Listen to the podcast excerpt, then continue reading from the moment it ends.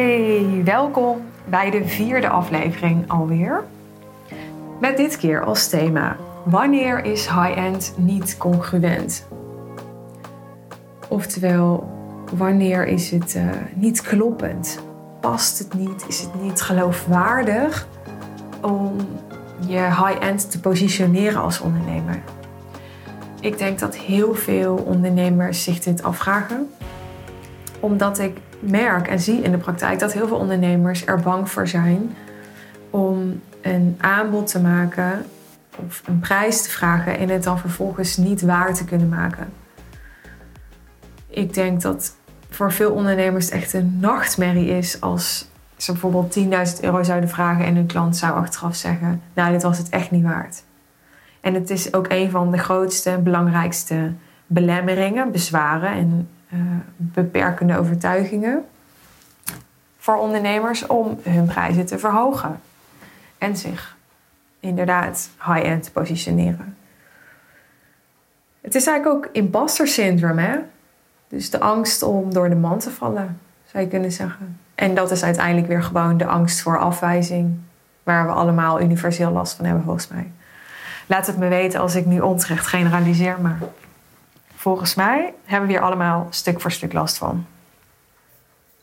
Nou, ik uh, kan je vertellen dat ik zeker fases heb gehad dat ik het gevoel had dat ik niet congruent was.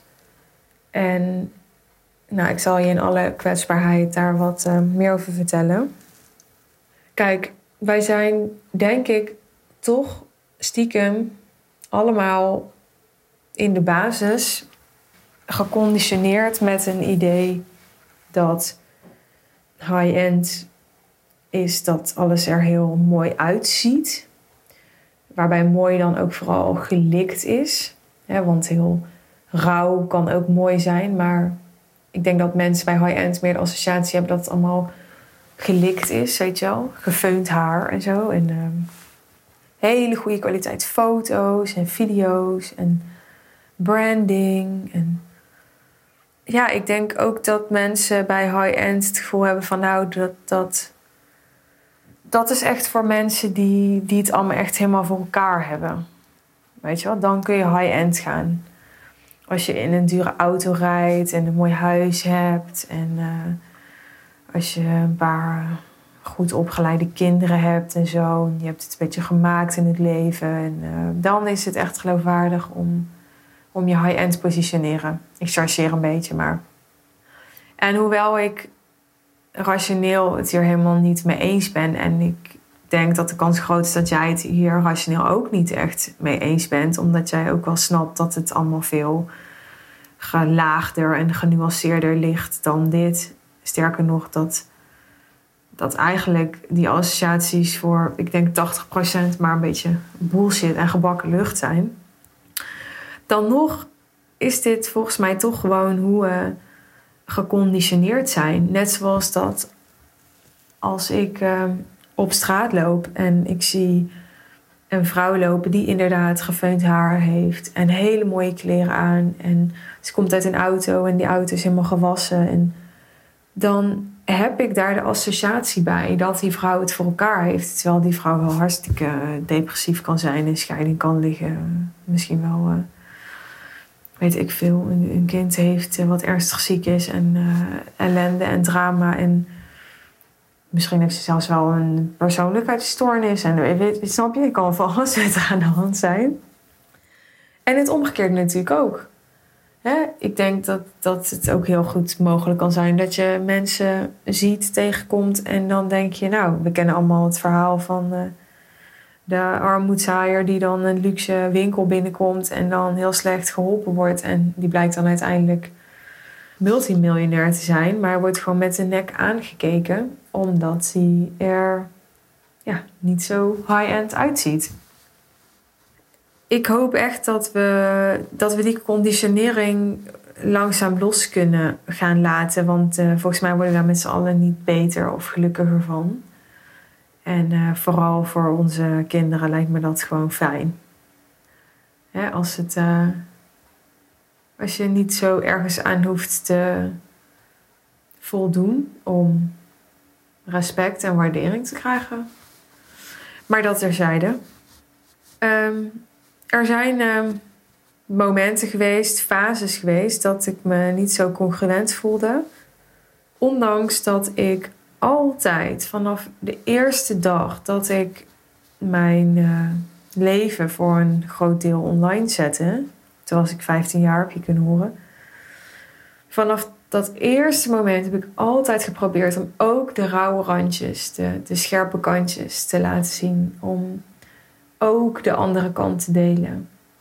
Om daarover te schrijven, om soms foto's te laten zien als ik, weet ik veel, ziek was, geen make-up op had, uh, minder lekker in mijn vel zat. Uh, ik heb ook huilend op vlogs gezeten zelfs. Wat niet altijd gelijk staat aan dat je dan kwetsbaar bent hè, als je huilt. Ik bedoel, ja, het hangt natuurlijk heel erg af van de intentie en de lading waarmee je dat doet. Dus het is niet zo dat ik dat nou wil idealiseren of uh, wil zeggen dat dat nou zo goed of zo slim is. Maar in ieder geval heb ik altijd bewust geprobeerd om niet een imago te laten zien.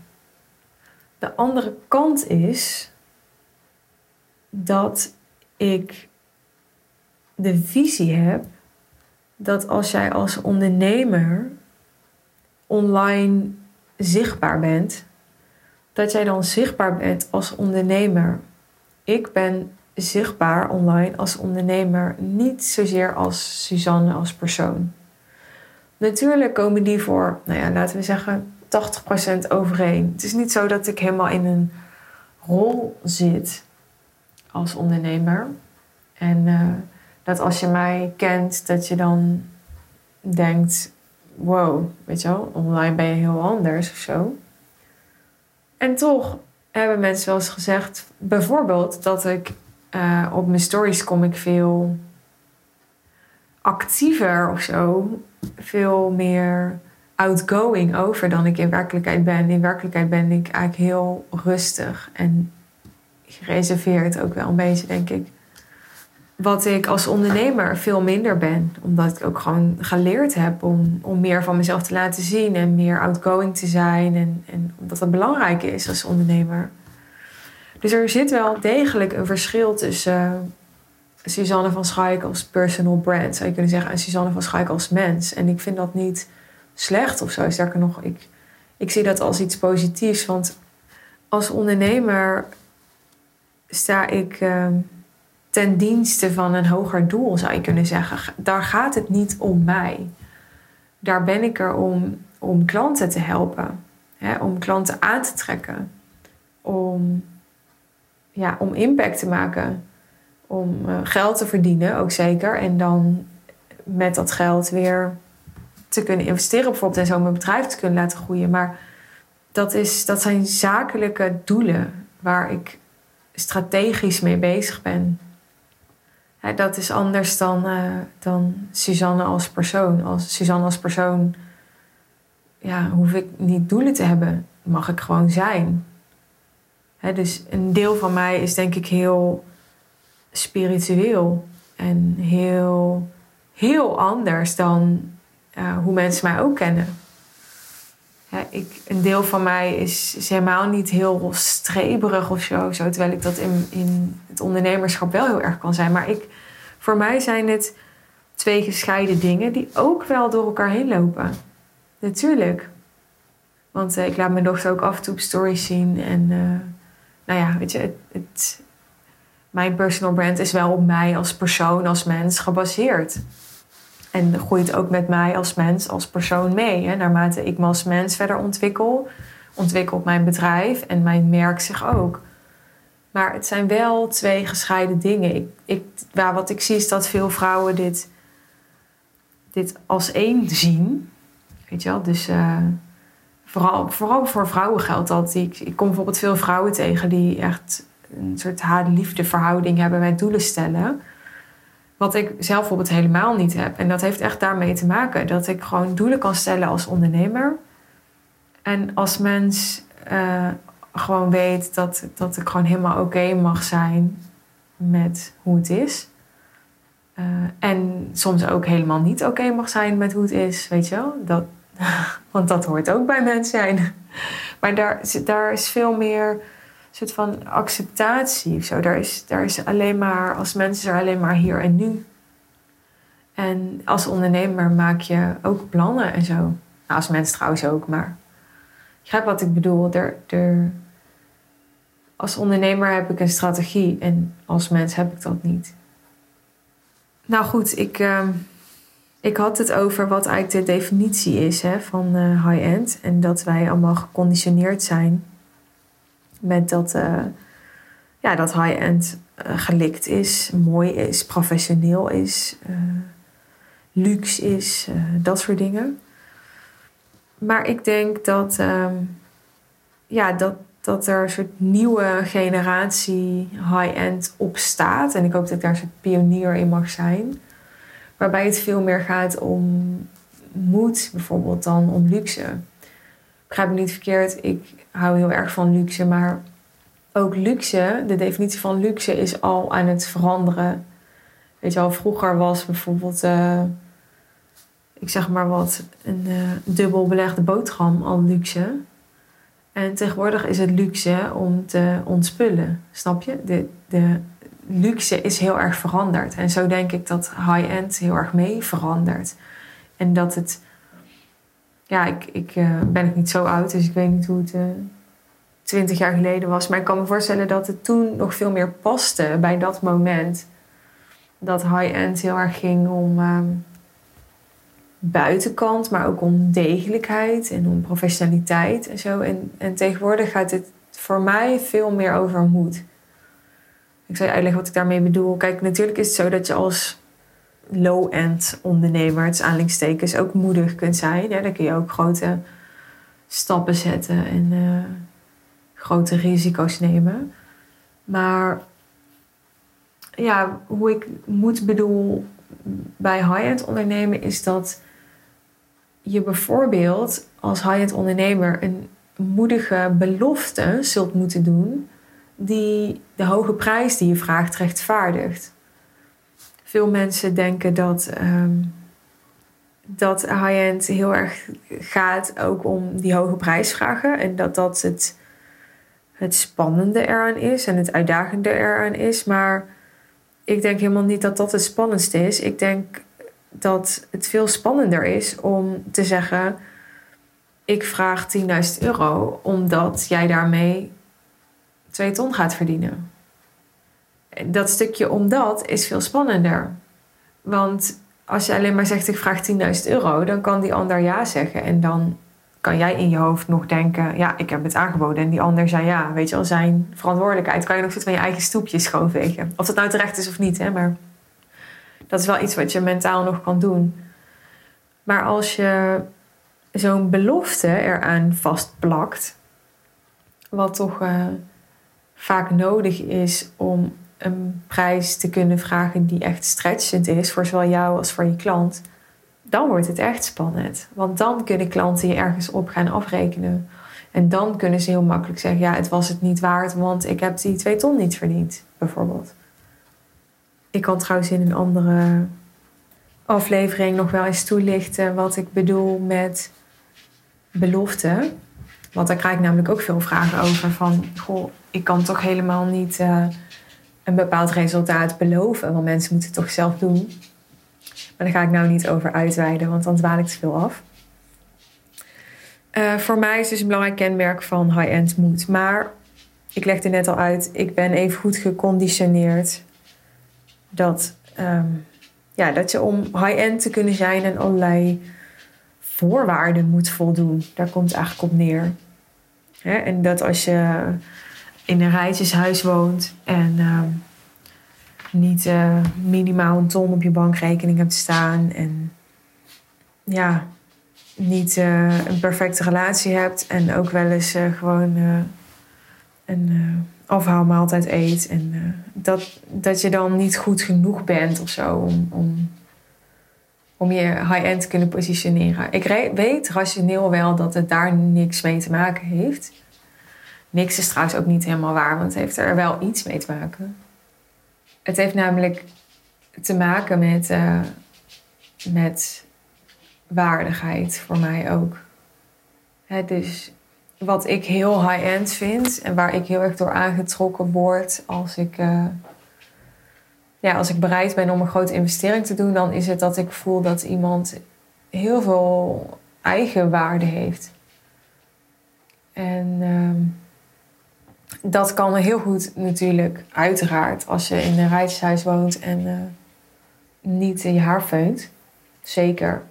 Maar ja, ik vind bijvoorbeeld als jij elke dag uh, ongezond eet, dan denk ik dat het iets zegt over hoe lief je bent voor jezelf. En dus ook hoeveel eigenwaarde je hebt, hoeveel zelfliefde je hebt.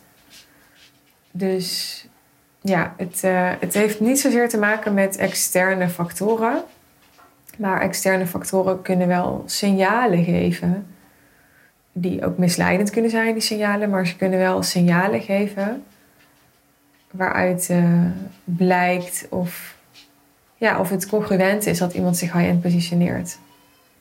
Over die uh, fases die ik zelf heb gekend, waarin het voor mij niet heel congruent voelde om high-end te positioneren in de afgelopen afleveringen kon je al horen dat mijn eh, leven in de afgelopen jaren soms best wel bewogen was. Het kan altijd erger. Dus ik wil het vooral niet groter maken dan het is. Maar ja, ik heb, uh, ik heb uh, soms het niet goed voor elkaar gehad om te zorgen dat ik het wel goed voor elkaar had.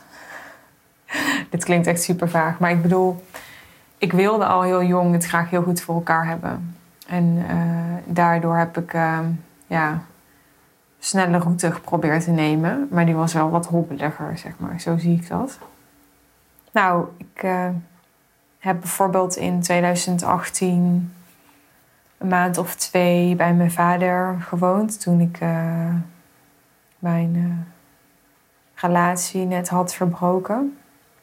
En ik niet alle minuten een ander huis had en daar niet wilde blijven. En dat betekende dat ik uh, bij mijn vader op een stretcher sliep en bijna elke dag met een koffertje heen en weer ging om wat kleding om te wisselen en wat spullen op te halen die ik nodig had. En, nou, ik, weet nog goed dat mijn leven toen niet heel high-end voelde. En zo zijn er meer fases geweest.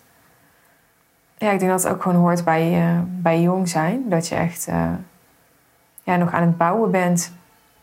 Hoewel ik soms mensen tegenkom die dan dezelfde leeftijd hebben als ik. En die lijken het dan wel allemaal voor elkaar te hebben. Maar zo ziet de etalage van een ander er natuurlijk altijd mooier uit. En ik wil ook helemaal niet zeggen trouwens dat ik het niet voor elkaar heb. Het is gewoon een beetje hobbelig geweest. En nog steeds soms. Laten we het daarop houden. Nee, ik heb het heel goed voor elkaar. Dat is gewoon iets om, en ik zeg dit niet om te pochen of zo, maar ik ben juist heel kritisch op mezelf. En mijn vader zei vorige week nog tegen me, die zei: Suus, hoeveel vrouwen kunnen alleen met een kind op jouw leeftijd uh, een huis kopen als starter nu in deze woningmarkt? zo snel, weet je wel. En, en voor zo'n bedrag, dat, dat, um, niet dat ik een kasteel heb gekocht, maar toch. Dan realiseer ik me wel, oh ja, ja waarschijnlijk zijn die er heel weinig. Dus als je het zo bekijkt, heb ik het absoluut heel goed voor elkaar. En niet dat het om het geld gaat, vind ik ook belangrijk om nog even te benoemen. Want uh, het is niet zo dat je het goed voor elkaar hebt als je een huis kunt kopen. Weet je, er zijn natuurlijk vele andere aspecten in het leven gezondheid, relaties, uh, liefde, verbinding, die uh, veel belangrijker zijn, denk ik nog. Ja, er zijn dus meerdere fases geweest waarin ik, um, waarin het niet congruent voelde wat ik deed. En ja, dat, dat sloeg rationeel eigenlijk nergens op, want ik heb toen best wel een moedige stap gezet, bijvoorbeeld. Wat denk ik juist heel erg um, high-end was. Sterker nog, ik denk dat ik die stap toen kon zetten. Juist doordat ik me meer high-end was gaan positioneren. Want een van de, ja, een van de vragen die, uh, die ik vaak gekregen heb van mijn mentor bijvoorbeeld is: wat wil je niet meer tolereren in je leven? En dat is nog steeds, vind ik dat zo'n confronterende vraag. Het is echt zo'n vraag waar je denkt: kut, ja, ik weet het antwoord wel, maar ik wil het niet weten. Want nou ja, in dit geval bijvoorbeeld uh, betekende toen dat ik na acht jaar wegging, wat best wel, een, best wel heftig was. Nou, dit was dan nog moedig, maar er zijn natuurlijk ook fasen en momenten geweest in mijn leven. Ik ben ook maar mens dat ik me echt helemaal niet moedig voelde. Dat ik me een uh, natte dwel voelde. En uh, dat ik in mijn kindstuk zat en uh, vooral troost wilde, support wilde en niet sterk wilde hoeven, wilde hoeven zijn en de, de juiste, slimme keuzes moeten hoeven maken. En, uh, en ja, op dat soort momenten vond ik het echt uh, lastig om, uh, ja, om, om mezelf helemaal geloofwaardig te vinden. Niet omdat dat terecht was, denk ik, maar gewoon omdat ik ook maar mens ben. En we allemaal soms, uh, denk ik, het gevoel hebben dat we, ja, dat we ook maar wat doen, zeg maar. Vooral als je ouder wordt, toch? Heb je het ook heel erg. Dan, uh, ik heb dat tenminste wel. Dan denk ik van. Uh, vroeger, toen ik klein was, dacht ik als je ouder bent dat je het dan allemaal wist. Maar dat is natuurlijk niet zo. Om antwoord te geven op de vraag, want ik ben nu 25 minuten aan het praten, dus het wordt wel eens tijd dat ik antwoord geef op de vraag wanneer high-end niet congruent is. Ik denk dat het niet congruent is als je echt bewust iemand probeert te zijn die je niet bent. Want mensen willen juist moed voelen. En ik denk dat om helemaal jezelf te zijn en daarin ook kwetsbaar te zijn, dat dat moed vraagt. En mensen voelen het op het moment dat je, dat je jezelf niet helemaal accepteert. En, en dat accepteren zij niet, want mensen willen altijd bij mensen zijn aan wie zij zich op kunnen trekken weer. En uh, nou ja, daarvoor is het dus van belang dat, ja, dat jij jezelf helemaal accepteert, zodat zij zichzelf helemaal kunnen accepteren. Want ze kunnen pas veranderen als ze zichzelf eerst accepteren. En ik denk eerlijk gezegd dat we allemaal wel eens proberen iemand te zijn die we niet zijn. En ook gewoon zoeken naar wie zijn we eigenlijk. En wat past wel en wat past niet. Dus wees hierin niet streng voor jezelf. Maar in ieder geval is het niet zo dat je niet congruent bent als je nog in een rijtjeshuis woont en niet elke week uit eten gaat en niet alles in je leven op orde hebt. Dat, daar heeft het volgens mij helemaal niks mee te maken.